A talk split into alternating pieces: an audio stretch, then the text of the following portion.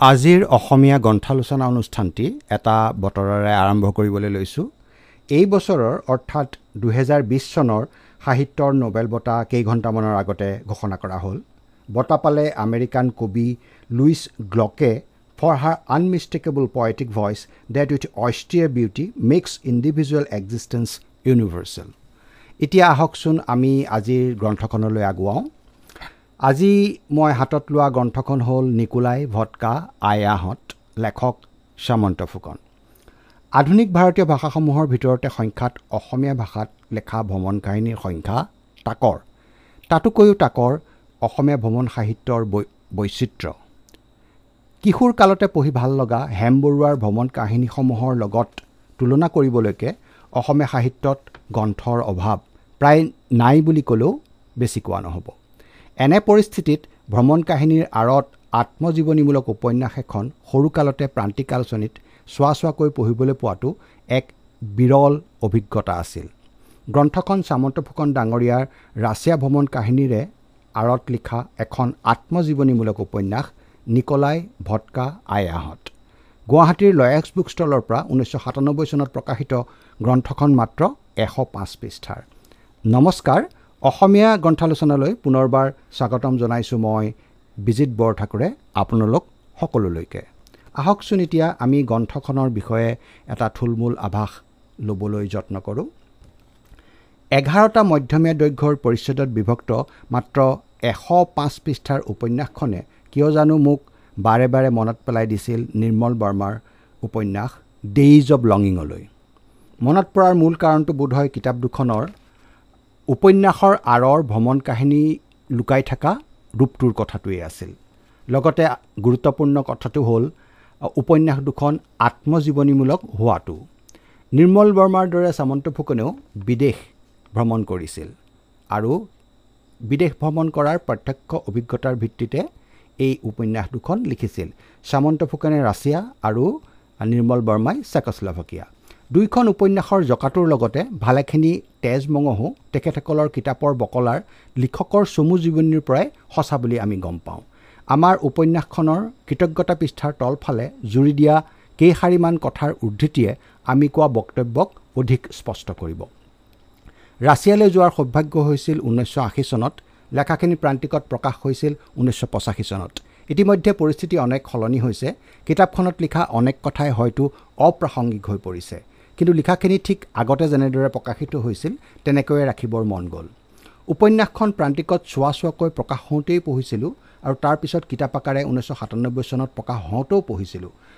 আগৰখনৰ দৰেই কমিউনিষ্ট দেশৰ বন্ধ পৰিৱেশৰ মাজত এচাটি বতাহৰ দৰে প্ৰেম বা প্ৰেমময় উদ্যাম কিবা এটা যেন অগাতানুগতিক কাহিনী। কিতাপ দুখনক একেলগে সাঙুৰি নোলোৱাকৈ কথা ক'বলৈ মন নাযায় মোৰ। হঠাৎ মনত পৰে নৱকান্ত বৰুৱাৰ মোৰ আৰু পৃথিৱীৰ কাব্য সংকলনখনৰ পাছফালৰ হীৰেণ গোহাঁই কথাকেইটা। একালৰ প্ৰিয় লেখকৰ গ্ৰন্থ পুনৰ পাঠ পাঠ কৰা আৰু এযুগ পিছত প্ৰেয়সীৰ ঘৰলৈ অহা একেই কথা। আগৰ দৰে আৰু মন চঞ্চল হৃদয় অস্থিৰ নহয় বৰং নঙলামুখ পৰ্যন্ত আহি ভাৱ হয় যাওক ইমানতে উভতি যোৱাই বুদ্ধিমানৰ কাম হ'ব। কিন্তু কৌতূহল কৌতূহলে ঠেলি লৈ যায়। এসময়ত যি কিতাপখনে আৱেগ অনুভূতিৰ বিচিত্ৰ জোকাৰেৰে মন বিভোৰ কৰি ৰাখিছিল এতিয়া ঠিক তেনেধৰণে তন্ময় কৰি ৰাখিব পাৰিব জানো? অৱশ্যে বয়সে হেনো প্ৰেমৰ সৰোবৰত শৰৎকাল আনে। গ্ৰন্থৰ ক্ষেত্ৰত তথাপিও মন যায় আমাৰ পাছৰ সকলক আমাৰ কল্পনাৰ জোৱাৰেৰে প্ৰেমানুভূতিৰ ছাঁ দিয়া কিছুমান কিতাপৰ নাম কোৱা আৰু আমাতকৈ সৰুসকলে পঢ়িলে তেওঁলোকৰ মুখত বিৰিঙি উঠা হাঁহি গ্ৰন্থবোৰৰ ৰহস্যময়তাই আনি দিয়া কৌতূহলৰ ভূ লোৱাৰ যথাৰীতি লিখি যোৱা ভ্ৰমণ কাহিনীবোৰৰ দৰে নিকোলাই ভটকা আৰু আয়াহঁতৰ আৰম্ভণিতেই লেখকে ক'লৈ বা কিয় গৈছে তাৰ বিৱৰণী নাই। আৰম্ভ হৈছে কাহিনীটোৰ ইন মেডিয়াছ ৰেচত। টানিয়া অহাৰ কথা আছিল দহ বজাত ওলালহি বাৰ বজাত। তাই দুঘণ্টা দেৰিকৈ অহাটোত আমি বেছি আচৰিত নহ'লোঁ। কাৰণ কালিও তাই দহ বজাতে অহাৰ কথা আছিলে আৰু দিনটো নাহিলেই। তাই নহাত অৱশ্যে আমি ভালেই পালোঁ। বাংলাদেশৰ নেকি খালেক ডিভে আৰু মই চাৰিওফালে এপাক মাৰিলোঁ। এই যে কাহিনীৰ মাজত আৰম্ভ হ'ল কলৈ আৰু কিয় গ'লৰ সাঁথৰ নভঙাকৈয়ে সেয়া যেন গোটেই গ্ৰন্থখনতে চলি থাকিল। কাহিনীৰ মাজে মাজে নায়কৰ বিভিন্ন হোটেল ৰেষ্টুৰেণ্টৰ ভটকা কণিয়েক বিয়েৰ বা চেম্পেইনৰ সোৱাদ আৰু সুন্দৰীৰ সংগৰ বৰ্ণনাৰ মাজে মাজে দুই এটা দৰকাৰী অদৰকাৰী তথ্য এৰি দিয়াৰ প্ৰৱণতা লেখকৰ দেখা যায়। শেষত গৈ এশ পাঁচ পৃষ্ঠাৰ গ্ৰন্থখনৰ বাসত্তৰ নম্বৰ পৃষ্ঠাতহে আমি স্পষ্টকৈ গম পাওঁ লেখক এজন চিভিল ইঞ্জিনিয়াৰ ইউনিট বোলা কোম্পানীটোৰ কৰ্মচাৰী যাৰ অফিচ ভাৰত অষ্ট্ৰিয়া আৰু ৰাছিয়াত বিয়পি আছিল। অসম ভাৰত অষ্ট্ৰিয়া আৰু ৰাছিয়া চৰকাৰৰ সহযোগত আয়োজিত কেমিকেল ইঞ্জিনিয়াৰৰ আন্তৰ্জাতিক কাৰিকৰী প্ৰশিক্ষণৰ ছুটী অনুষ্ঠানটিৰ কাৰ্যসূচীত কিবাকৈ আহি ৰাছিয়া পালেহি।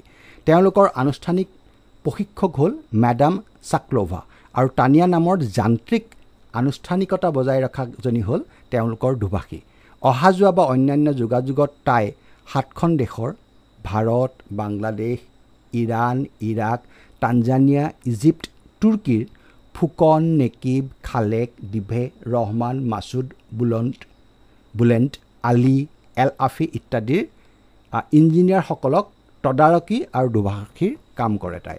উপন্যাসখনৰ চৰিত্ৰসমূহ সপ্ৰতিভু আৰু জীৱন্ত। আৰু সাধাৰণ ভ্ৰমণ কাহিনীৰ দৰে ফুৰা স্থানবোৰ মুখ্য নহয় চৰিত্ৰসমূহৰ বেকড্ৰপ হিচাপেহে আহিছে ঠাইবোৰ। তথাপিও স্থানসমূহৰ উল্লেখ আৰু চুটি চুটি বুদ্ধিদীপ্ত টীকা টিপ্পনীয়ে আলোকসন্ধানীৰ কাম কৰে। ৰবীন্দ্ৰনাথৰ ৰাছিয়াৰ চিঠি ঊনৈছশ ঊনৈছ চনতে লিখা চনৰ উচ্ছ্বাসিত বৰ্ণনাৰে ৰাছিয়াৰ লৌহ লৌহ কপাতৰ আৱৰণ খুলিবলৈ আৰম্ভ কৰিছিল ভাৰতীয় সাহিত্যই। অসমীয়া ভ্ৰমণ সাহিত্যৰ সেই হেংঅভাৰ এতিয়ালৈকে চলিয়ে আছে। বৰ্ণনসমূহ ট্ৰেভেল গাইড বা পুস্তিকাৰ পৰা আৰু উচ্ছ্বাসিত প্ৰশংসাত ভাৰতত নথকা বস্তুৰ এখন দীঘল তালিকা বা ৰাছিয়াত থকা বা বিদেশত থকা বস্তুৰ এখন দীঘল তালিকা আমি প্ৰায়ে পাওঁ।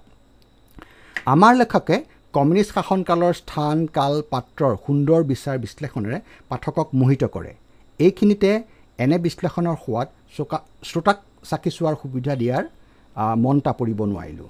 আচলতে ইয়াত মানুহৰ খোৱা বোৱা চাকৰি শিক্ষা ঘৰ আদিৰ কোনো সমস্যা নাই। পঞ্চাছ বছৰৰ সমাজবাদে সকলোৰে হাতত অনেক ৰুবলো জমা জমা কৰিছে। এতিয়া মানুহৰ সমস্যা হ'ল ফেশ্বন ৰাছিয়াত তৈয়াৰী জোতা অভাৰকোট কাপোৰ কানি আদি প্ৰায় সকলো আৱশ্যকীয় বস্তু সৰ্বসাধাৰণে ঢুকি পোৱা দামতে পোৱা যায়। কিন্তু মানুহক মানুহক সেইবিলাক নালাগে। সেইবিলাক হয়তো যোৱা বিছ ত্ৰিছ বছৰ ধৰি কোনোবা ডিপাৰ্টমেণ্টে একোটা ষ্টাইলতে চিলাই আছে। গতিকে মানুহে বাহিৰৰ পৰা অহা প্ৰায় যিকোনো বস্তু তিনি চাৰি গুণ দাম দি কিনিবলৈ অনবৰতে সাজু। আনকি সৰু সৰু পূব ইউৰোপীয় দেশবিলাকৰ পৰা অহা বস্তুৰ প্ৰতিও মানুহৰ অপৰিসীম আগ্ৰহ। আৰু এটা টীকা টিপ্পনী এইখিনিতে সংযোগ কৰিবলৈ মন গ'ল। নিকলাই হাড়ে হিমজুৱে কমিউনিষ্ট। কোনো কথাতে কমিউনিষ্ট ব্যাখ্যাৰ বাহিৰে একো কথাই তাৰ বাবে সঁচা হ'ব নোৱাৰে। তাৰ কথা শুনিলে এনে লাগে যেন সি এজন অতি নৈষ্ঠিক সৎ গোড়া ধৰ্মপান মানুহ যি ধৰ্মগ্ৰন্থৰ সকলো কথা সংশয়হীনভাৱে আৰু দৃঢ়ভাৱে বিশ্বাস কৰে। আৰু তাৰ ধৰ্মটো হ'ল কমিউনিজিম। তাক দেখিলে ভাৱ হ'ব যেন সি এটা ৰবট। তাৰ মুখত কিছুমান প্ৰগ্ৰেম মূৰত কিছুমান প্ৰগ্ৰেম সোমোৱাই দিয়া হৈছে আৰু তাৰ সকলো আচৰণ গতিবিধি সেই প্ৰগ্ৰেমৰ চাৰিসীমাৰ ভিতৰত সীমাবদ্ধ। মূলতঃ উপন্যাসখন লেখকৰ খাদ্য ৰসিকতাৰো এখন দীঘলীয়া তালিকা সদৃশ আৰু সঠিককৈ ক'বলৈ হ'লে তেখেতৰ পানাশক্তিৰো পৰিচায়ক। তলৰ কথাখিনিয়ে আমাৰ বক্তব্যৰ সাক্ষী দাঙি ধৰিব। মই যেতিয়া ক'লোঁ যে ভাৰতত মই মাত্ৰ শনি আৰু দেওবাৰহে সুৰাপান কৰোঁ বাকীবিলাকে বাকীবিলাক দিন মোৰ বাবে শুকান দিন কথাষাৰ কোনেও বিশ্বাসেই নকৰিলে। এনে কথা কেতিয়াও সঁচা হ'ব নোৱাৰে। আচলতে ইয়ালৈ অহাৰ পৰা অন্তত বাৰত মোৰ নেতৃত্ব সকলোৱে বিনা আপত্তিৰে মানি লৈছে। সেইবাবে অৱশ্যে সকলোৰে লগত মোৰ এটা সহজ সম্পৰ্ক গঢ় লৈ উঠিছে। ইয়াৰ লগে লগে উপন্যাসখনে নায়কৰ বাৰসমূহত লগ পোৱা বিভিন্ন সুন্দৰীৰ সান্নিধ্য আৰু সুন্দৰী সান্নিধ্য কাৰ কাৰ? ইৰা মাৰিনা চাচা মিছমিলা ইত্যাদি বন্ধুত্ব হ'ব পাৰে লিয়েনা আৰু সৰ্বশেষত আয়াৰ দৰে বিশেষ নামহীন বন্ধুত্বৰ বন্ধুত্ব যাৰ বাবে আয়াই এহেজাৰ কিলোমিটাৰ ৰিগাৰ পৰা পুনৰ ঘূৰি আহিছে সকলো কাম কাজ কাম কাজ বাদ দি সুদূৰ মস্কোলৈ। নায়কৰ দুৰ্ঘটনাৰ পিছত হস্পিটেলত দিনে ৰাতিয়ে শুশ্ৰূষাও কৰিছে তাই। লেখকৰ চুটি চুটি বৰ্ণনামূলক অংশবোৰৰ পৰা আমাৰ এনে লাগে যে আমি সেই ৰেষ্টুৰা পাৰ্টি মানুহৰ ঘৰ ঢৌতে খৰ মাৰি তেখেতে এঘৰ স্থানীয় পৰিয়ালত ভূৰি ভোজনো কৰিছে। মিউজিয়াম বা মানুহবোৰক অধানুলুপ্ত ছোভিয়েট ৰাছিয়াৰ আশীৰ দশকলৈ মেজিক কাৰ্পেটেৰেহে যেন লৈ গৈছে। আহকচোন এটা অন্য এটা ছিৰিয়াছ বৰ্ণনা শুনো। ছবিৰ বিভাগৰ পৰা ওলাবৰ সময়ত গাইডগৰাকীয়ে ক'লে এতিয়া আমি ফ্ৰেঞ্চ শিল্পীসকল থকা কোঠা কেইটালৈ যাম। মই কথাটোত গুৰুত্ব দিয়া নাছিলোঁ কিন্তু প্ৰথম কোঠাটোতে সোমায়েই মই উশাহ সলাবলৈ পাহৰি গ'লোঁ। এইবিলাক দেখোন ইম্প্ৰেছনিষ্টিক ছবি। মই খৰধৰকৈ ছবি চকু ফুৰাওঁতে গাইডগৰাকীয়ে ক'লে ইয়াত কেইবাটাও কোঠা আছে আমি ইয়াত বিছ মিনিটহে থাকিম। মই চাবলৈ আৰম্ভ কৰিলোঁ।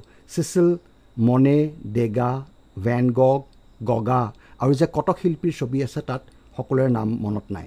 শ্বাসৰুদ্ধভাৱে ইটো কোঠাৰ পৰা সিটো কোঠালৈ অহা যোৱা কৰিলোঁ। চৰিত্ৰসমূহৰ উপস্থাপনো বা তেওঁলোকৰ আগমনো আকৰ্ষণীয়। কেইটামান উদাহৰণ এইখিনিতে দিলোঁ। লাঞ্চৰ পিছত ওপৰৰ বাৰলৈ গ'লোঁ। অলপ পিছত ডিভেও আহিল। এবাৰ তলৰ ৰেষ্টুৰেণ্ট আমাৰ অৰ্ডাৰ লোৱা স্মাৰ্ট ডেকালাৰটো আহিল। তাৰ নামটো নিকলাই। কামৰ মাজে মাজে নিকলায়ে পাক মাৰি আমি জচা হুইস্কি খাই গ'ল। আৰু এটা বৰ্ণনা। লাঞ্চৰ লগতে প্ৰথম ভটকা খালোঁ। ৰাছিয়াত তৈয়াৰী খাটি ভটকা। একো নিমিহলীয়াকৈ জিন খালে যেনেকুৱা লাগিব প্ৰায় তেনেকুৱা। ছাদ বা হয়তো তাতকৈ অলপমান চোকা। এতিয়া আয়াৰ বৰ্ণনা। তাই ক'লে মই আয়া আয়া জেক্সটিনা। তাই এখন আৰ্ট স্কুলৰ ছাত্ৰী। ফাইনেল পৰীক্ষা দি আহিছে। ঘৰ ৰিগাত মস্কোৰ পৰা প্ৰায় এহেজাৰ কিলোমিটাৰ দূৰত। সিহঁত আহিছে মস্কোৰ স্থায়ী প্ৰদৰ্শনীখনত সিহঁতৰ পেভিলিয়নটো নতুনকৈ সজাবলৈ। আইনাৰ আচৰণত অনবৰত বেপেৰুৱা ভাৱ এটা আছিল। তাইৰ চুটি চুলি মুঠত অনবৰতে লাগি থকা চিগাৰেট চকুত কাৰো গ্ৰাহ্য নকৰা ভাৱটো দেখিলে ভাৱ হয়। যেন তাই ল'ৰা হৈ বেছি ভাল পালেহেঁতেন। অথচ তাইৰ মাতটো আছিল অতি কোমল। মোৰ প্ৰতি তাইৰ ব্যৱহাৰো কোমল বুলিয়েই ক'ব লাগিব। সৰ্বশেষত উপন্যাসখনৰ আটাইতকৈ গুৰুত্বপূৰ্ণ চৰিত্ৰটোৰ বিষয়ে লেখকে কোৱা দুটামান কথা কথাই আমাৰ মনত দাগ কাটি গ'ল সেইকেইটা উদ্ধৃতি কৰোঁ বুলি ভাবিলোঁ। ঘূৰি আহি বাৰত আইয়াক দেখিলোঁ তাইৰ চকু চলচলীয়া। তাই ক'লে যে ঘটনাবিলাক এনেকুৱাই হয়। তাইৰ লগত আগতে পৰিচয় হোৱাহেঁতেন মোৰ ৰাছিয়াৰ অভিজ্ঞতাটো অনেক পুৰেত হ'লহেঁতেন। টানিয়াৰ যান্ত্ৰিক ভদ্ৰতা বিদেশীৰ লগত মিলা মিছা কৰিবলৈ নাটাচাৰ ভয় ভয় ভাৱ মাছুদৰ লগত দৰদাম কৰি থাকোঁতে সেউজীয়া স্কাৰ্ট পিন্ধা ধুনীয়া ছোৱালীজনীয়ে পইচা নহ'লে প্ৰেমো নহয় বুলি কোৱা কথা কথা বাৰলৈ এডভেঞ্চাৰ কৰিবলৈ অহা প্ৰত্যেকজনী ছোৱালীৰ এটা ড্ৰিংকছ সৰকোৱাৰ মতলব। মেট্ৰত পাই গুমুঠা হৈ গৰম কাপোৰৰ জাপৰ পৰা ওলাই থকা মুখবিলাক এই সকলোবোৰৰ ৰূপ হয়তো সলনি হৈ গ'লহেঁতেন যদি আয়াৰ নিচিনা সহানুভূতিশীল বান্ধৱী এজনীৰ লগত আগতে চিনাকি নহ'লহেঁতেন। এতিয়া ক'ব পাৰি এই গ্ৰন্থখন বহু ক্ষেত্ৰত fall of Russia Russian U S S আৰৰ এক প্ৰফেটিক বৰ্ণন সদৃশো আৰু সেই কথাখিনি লেখকে খুব সুন্দৰভাৱে লিখিছে আৰু পাঠকে পঢ়িলে সেই ধৰণৰ চিৰিয়াছ টিকা টিপ্পনীৰো সোৱাদ পাব। ব্যক্তিগতভাৱে সৰুকালত পঢ়া এই কিতাপখন গোহাঁই ছাৰে কোৱা কথাৰ বিপৰীতে গৈ ক'ব পাৰি যে কেতিয়াবা কেতিয়াবা প্ৰেমিকাৰ পূৰ্বৰ প্ৰেমিকাৰ ঘৰৰ আগেৰে গ'লে মনটো আগৰ দৰেই চঞ্চল হ'ব পাৰে। পুনৰবাৰ পঢ়োঁতে মোৰো অনুভূতি কিতাপ গ্ৰন্থখনৰ প্ৰতি একেই হৈছিল আৰু গ্ৰন্থখন বিনা দ্বিধাই মই পুনৰবাৰ পাঁচ নম্বৰ দিওঁ।